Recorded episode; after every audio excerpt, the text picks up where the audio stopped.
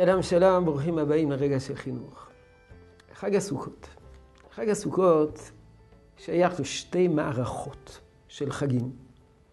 הוא אחד משלושת הרגלים, כמובן, פסח, שבועות, סוכות, מחג האביב עד חג האסיף, אבל חג הסוכות גם שייך למערכת נוספת של חגים, שייך לחגי תשרי.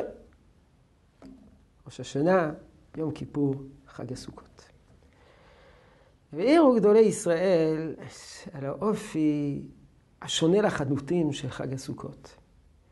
אם כי ראש השנה זה חג של הקשבה, לשמוע קול שופר. ויום הכיפורים זה חג שכולו שביתה, שביתת העשור. הרב אומר ששובתים בו ממלאכה ושובתים בו מאכילה. אנחנו מגיעים לחג הסוכות, כולו פעילות, כולו פעלתנות, אה, כולו שמחה. כולו שמחה. ברור גדולי ישראל שבכוונה, אחרי ימי התשובה שכופפו את הקומה שלנו, כך כותב הרב קוק, כופפו את הקומה שלנו, עכשיו צריכים לשקם את הקומה, לזקוף אותה מחדש על ידי עשייה, על ידי שמחה. אז זה מסר חשוב אה, בחינוך ילדים.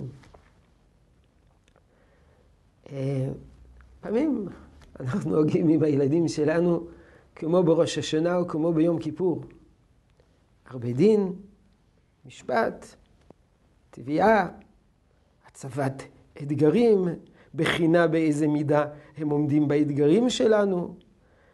אנחנו טובים מהם הרבה ושופטים אותם. האווירה היא אווירה קשה, אבל לפעמים אווירה קשה היא נחוצה.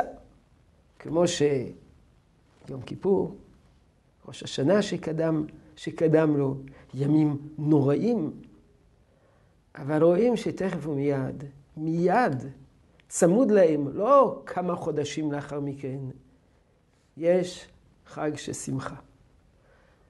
וגם מבחינה כמותית, ראש השנה זה יום אחד, כדרבנן יומיים, יום הכיפורים יום אחד, חג הסוכות שבעה ימים, אוסף לו לאמת שמיני עצרת שמונה ימים.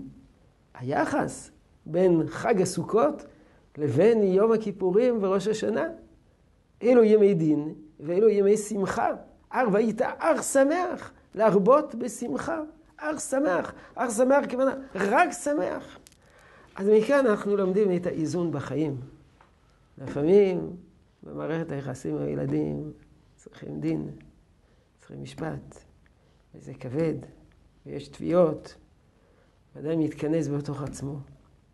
אבל מיד לאחר מכן, שמחה, עשייה, פעלתנות, להוציא את הכוחות מן הכוח אל הפועל, למצוא כל מיני אפיקים, למלא את החיים, כל החיים יהיו אפופים בקדושה.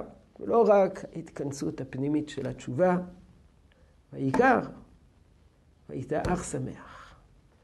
אז כמו שקדוש ברוך הוא מדריך את כלל ישראל, כך אנחנו צריכים לחנך את ילדינו. יהי רצון שתשרה ברכה בעבודתנו החינוכית, ונהיה אך שמחים. שלום שלום.